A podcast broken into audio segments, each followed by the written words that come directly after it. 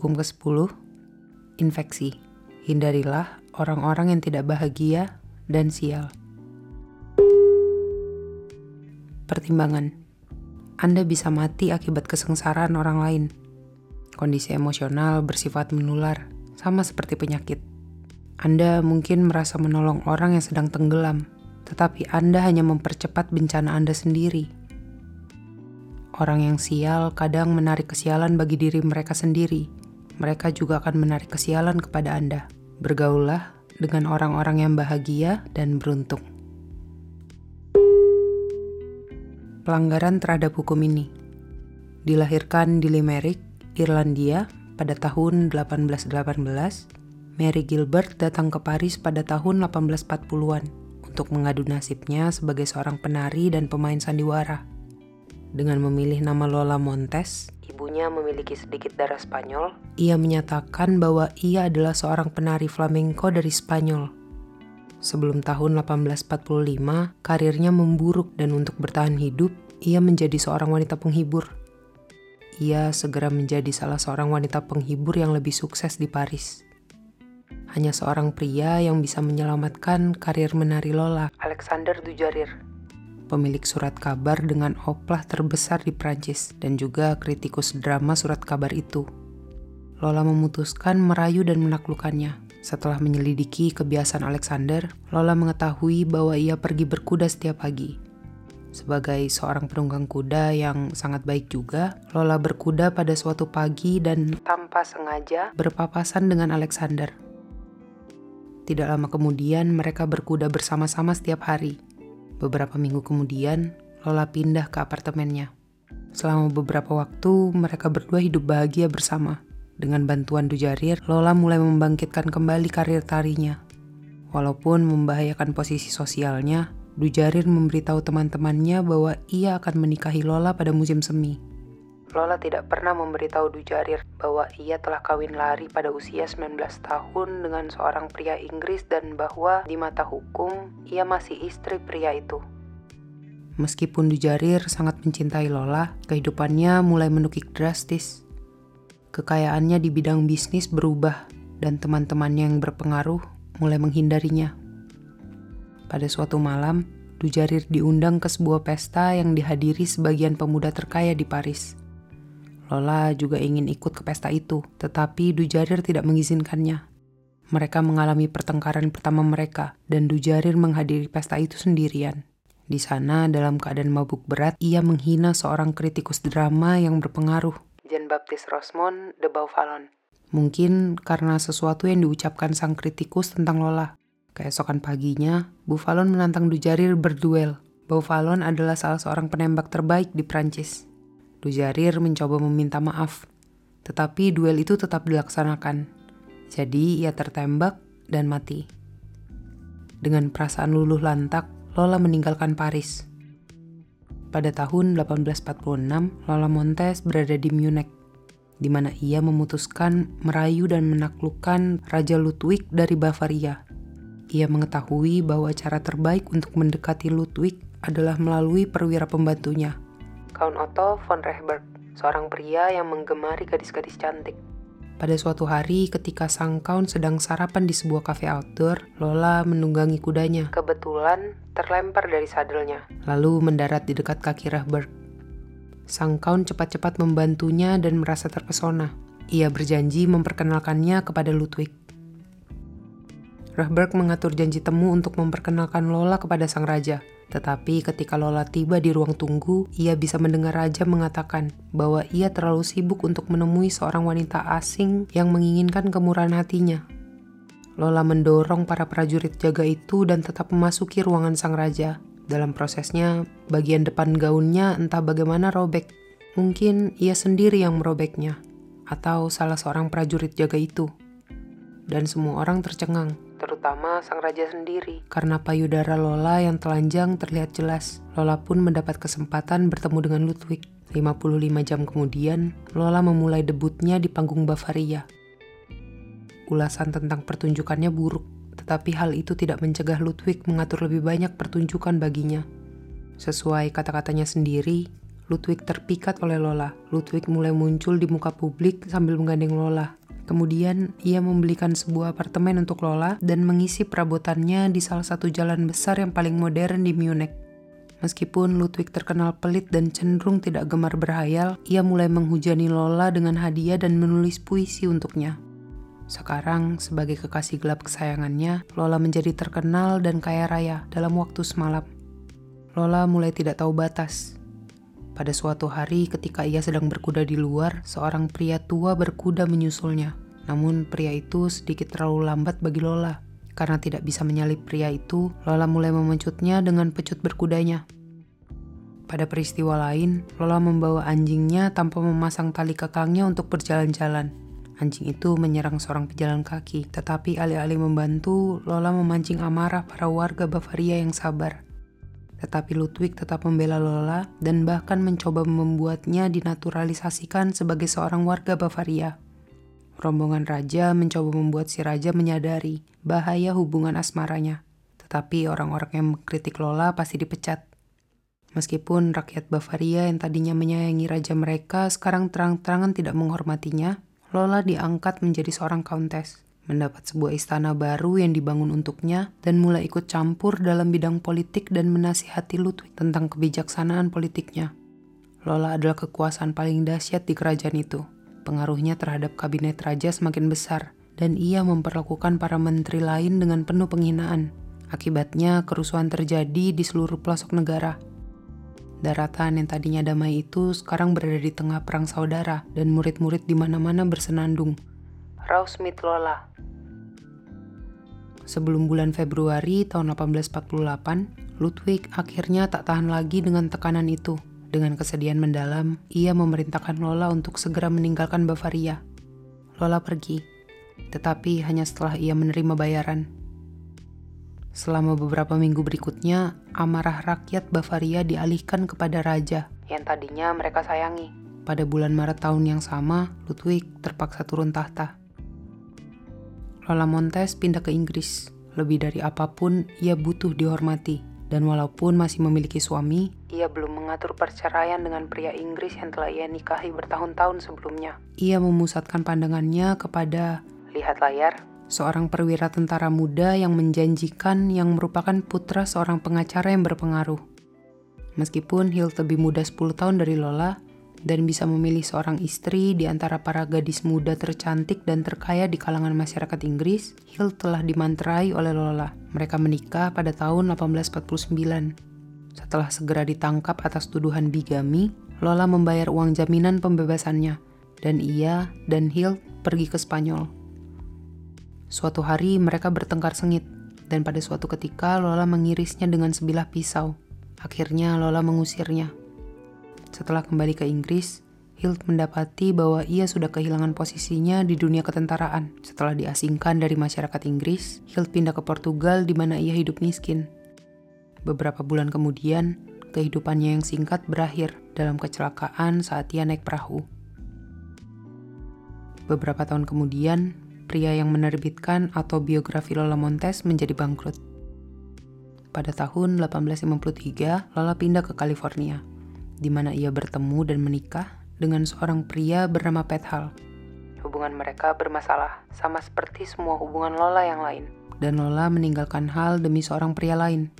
Hal mabuk-mabukan dan mengalami depresi berat yang berlanjut hingga kematiannya empat tahun kemudian. Padahal ia relatif masih muda. Pada usia 41 tahun, Lola membagikan baju-bajunya dan barang-barang yang indah dan mulai terlibat aktif dalam kegiatan keagamaan. Ia berkeliling Amerika, menyampaikan ceramah tentang topik-topik religius, memakai baju putih, dan memakai tutup kepala putih seperti halo. Ia meninggal dua tahun kemudian pada tahun 1861. Interpretasi Lola Montes menarik perhatian pria dengan tipu muslihatnya, tetapi kekuasaannya atas mereka melampaui kekuasaan seksual belaka. Melalui kekuatan karakternya lah, ia membuat para kekasihnya tetap terpikat Pria terhisap ke dalam pusaran badai yang diciptakan oleh Lola. Mereka merasa bingung, gusar. Namun kekuatan emosi yang dipicu oleh Lola juga membuat mereka merasa lebih hidup. Sebagaimana yang sering terjadi dengan infeksi, masalahnya baru muncul seiring waktu yang berlalu. ketidakstabilan bawaan Lola mulai membuat kekasihnya gusar. Mereka mendapati diri mereka terseret ke dalam masalah Lola, tetapi kasih sayang mereka kepada Lola membuat mereka ingin menolongnya.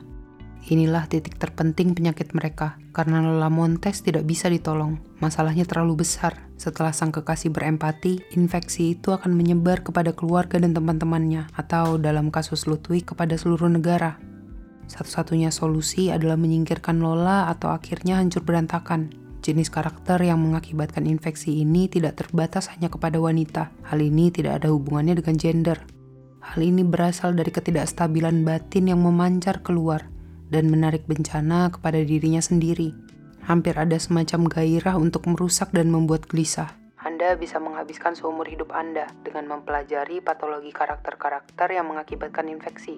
Tetapi jangan buang-buang waktu Anda. Selami saja pelajaran tersebut. Ketika Anda menduga bahwa Anda berada di hadapan orang yang mengakibatkan infeksi, jangan berdebat, jangan mencoba membantu, jangan kenalkan orang itu kepada teman-teman Anda. Kalau tidak, anda akan terlibat dalam kekacauan itu. Cassius, Cassius yang ada di sana memiliki tubuh langsing dan mimik lapar. Ia terlalu banyak berpikir. Aku tak tahu manusia mana lagi yang seharusnya kuhindari secepat aku menghindari Cassius yang kurus itu. Pria seperti itu tidak pernah tenang saat menghadapi sesuatu yang lebih besar dari diri mereka sendiri. Jadi mereka amat berbahaya. Julius Caesar, William Shakespeare, 1564 sampai 1616 kunci kekuasaan. Orang-orang sial di antara kita yang telah mengalami kesialan akibat situasi yang tidak bisa mereka kendalikan berhak menerima segenap bantuan dan simpati yang bisa kita berikan kepada mereka.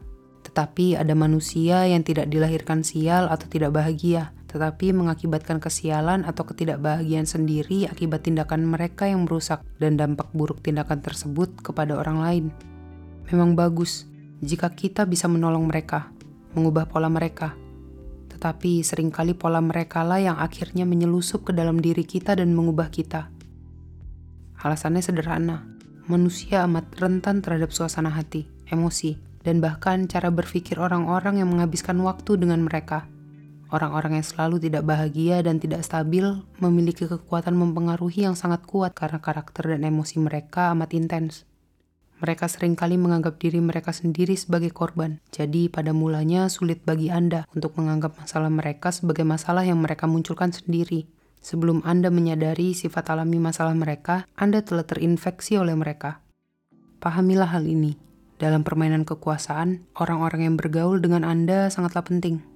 Resiko bergaul dengan para penyebab infeksi adalah bahwa Anda akan membuang-buang waktu dan energi yang berharga untuk mencoba membebaskan diri Anda sendiri melalui semacam perasaan bersalah yang muncul karena Anda bergaul dengan mereka.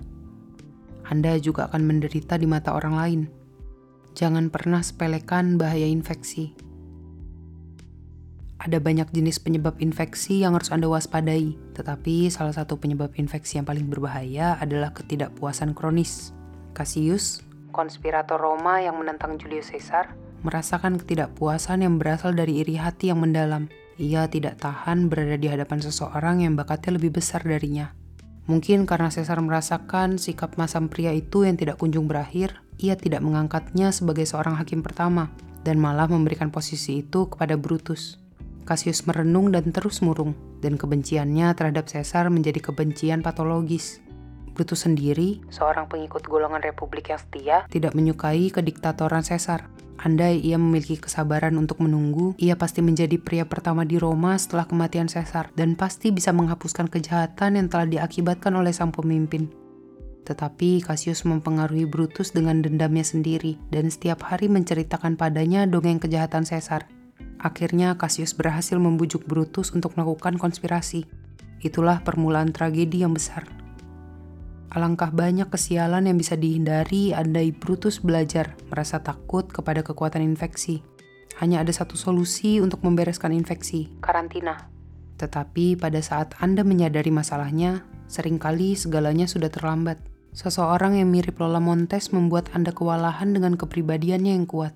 Seseorang yang mirip Cassius membuat Anda tertarik kepada sifatnya yang suka menceritakan rahasia dan kedalaman perasaannya Bagaimana Anda bisa melindungi diri Anda sendiri dari virus-virus yang amat berbahaya ini? Jawabannya terletak dari menilai orang lain atas pengaruh mereka terhadap dunia, bukan dari alasan yang mereka berikan atas masalah mereka. Para penyebab infeksi bisa dikenali dari kesialan yang mereka pancing kepada diri mereka sendiri, masa lalu mereka yang penuh pergolakan, deretan panjang hubungan asmara mereka yang hancur, karir mereka yang stabil, dan kekuatan karakter mereka sendiri yang membuat Anda terlena dan kehilangan akal sehat. Waspadalah terhadap tanda-tanda penyebab infeksi ini. Belajarlah menyadari ketidakpuasan di dalam diri mereka. Yang terpenting dari segalanya, jangan kasihani mereka.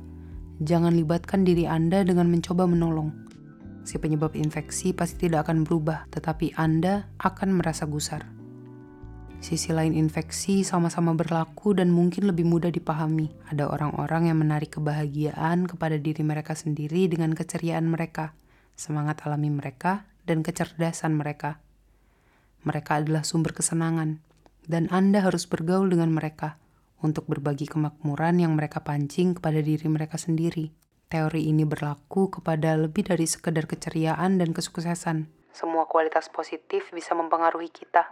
Taliran memiliki banyak sifat aneh yang mengintimidasi, tetapi sebagian besar orang setuju bahwa ia lebih murah hati, mempesona, dan lihai daripada semua orang Perancis lain. Ia memang berasal dari salah satu keluarga bangsawan tertua di negara itu dan meskipun ia mempercayai demokrasi dan Republik Prancis, ia mempertahankan kesopan santunannya di istana. Rekan sezamannya, Napoleon, dalam banyak hal bertentangan dengannya.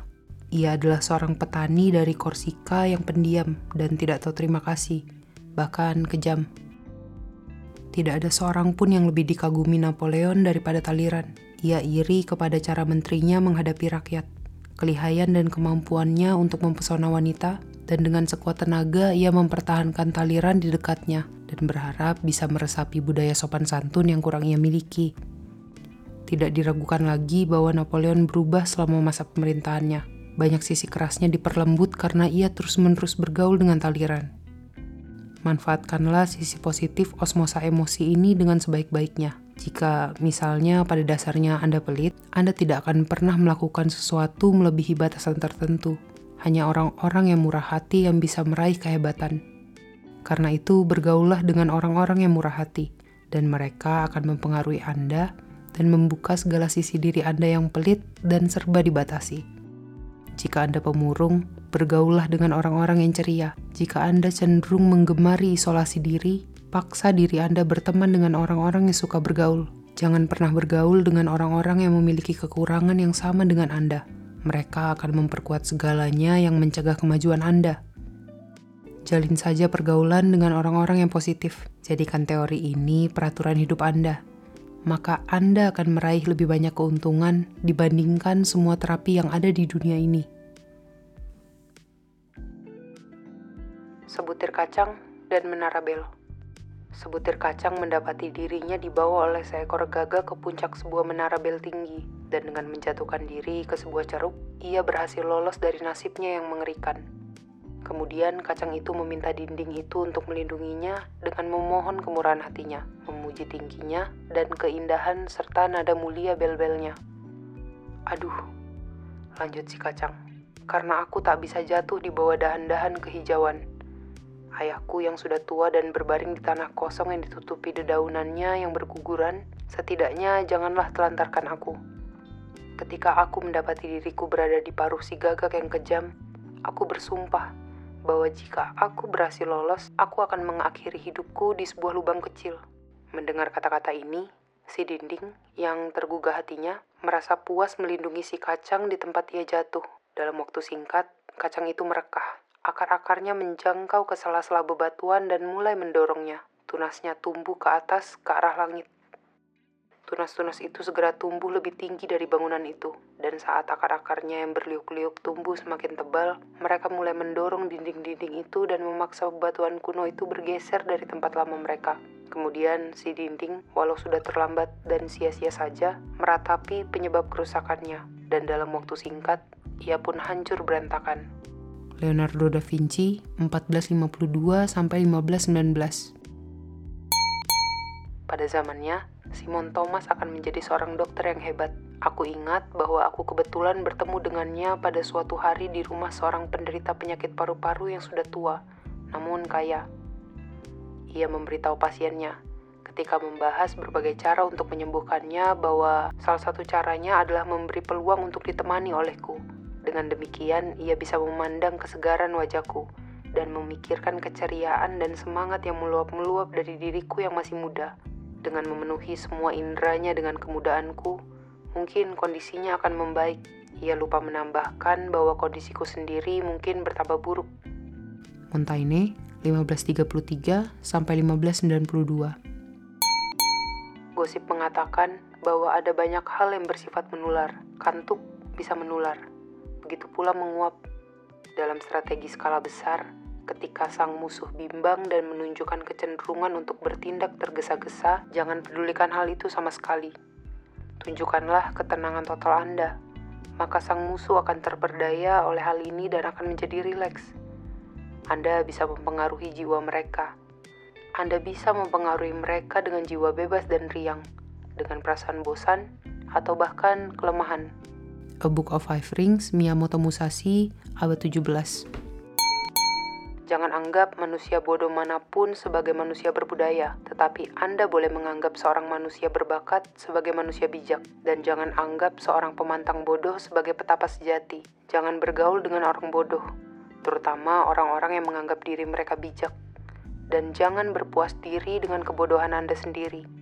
Biarlah Anda hanya bergaul dengan manusia yang memiliki reputasi baik, karena melalui hubungan semacam itulah manusia memperoleh reputasi yang baik pula. Apakah Anda tidak sadar bahwa minyak wijen dicampurkan dengan bunga mawar atau bunga violet, dan setelah minyak itu berbaur selama beberapa waktu dengan bunga mawar atau violet, maka minyak itu tidak lagi menjadi minyak wijen, dan malah disebut minyak mawar atau minyak violet. A Mirror for Princess, Kaus, IBN Iskandar, abad 11. Suatu virus. Virus yang tak terlihat ini memasuki pori-pori Anda tanpa peringatan, menyebar secara diam-diam dan perlahan. Sebelum Anda menyadari infeksi yang terjadi, infeksi itu sudah menggerogoti Anda dalam-dalam. Otoritas. Kenalilah orang-orang yang beruntung supaya Anda bisa bergaul dengan mereka dan orang-orang sial supaya Anda bisa menghindari mereka. Kesialan biasanya disebabkan oleh kebodohan, dan di antara orang-orang yang menderita akibat kebodohan, tidak ada penyakit yang lebih menular. Jangan bukakan pintu Anda bagi orang-orang yang paling sial, karena jika Anda melakukannya, banyak orang paling sial lain yang akan ikut di belakangnya. Jangan mati akibat kesengsaraan orang lain. Baltasar Gracian, 1601 sampai 1658. Pembalikan hukum. Hukum ini tidak memungkinkan adanya pembalikan. Penerapan hukum ini bersifat universal. Tidak ada apa pun yang bisa Anda peroleh dengan bergaul dengan orang-orang yang mempengaruhi Anda dengan kesengsaraan mereka. Hanya ada kekuasaan dan keberuntungan yang bisa Anda peroleh dengan bergaul dengan orang-orang yang beruntung. Jika Anda mengabaikan hukum ini, tanggung resikonya sendiri. Nah, kita udah sampai di hukum ke-10. Seperti biasa, terima kasih sudah mendengarkan. Semoga bermanfaat. Jangan lupa beli buku originalnya. Saya Justin, selamat malam, pagi, siang, atau sore.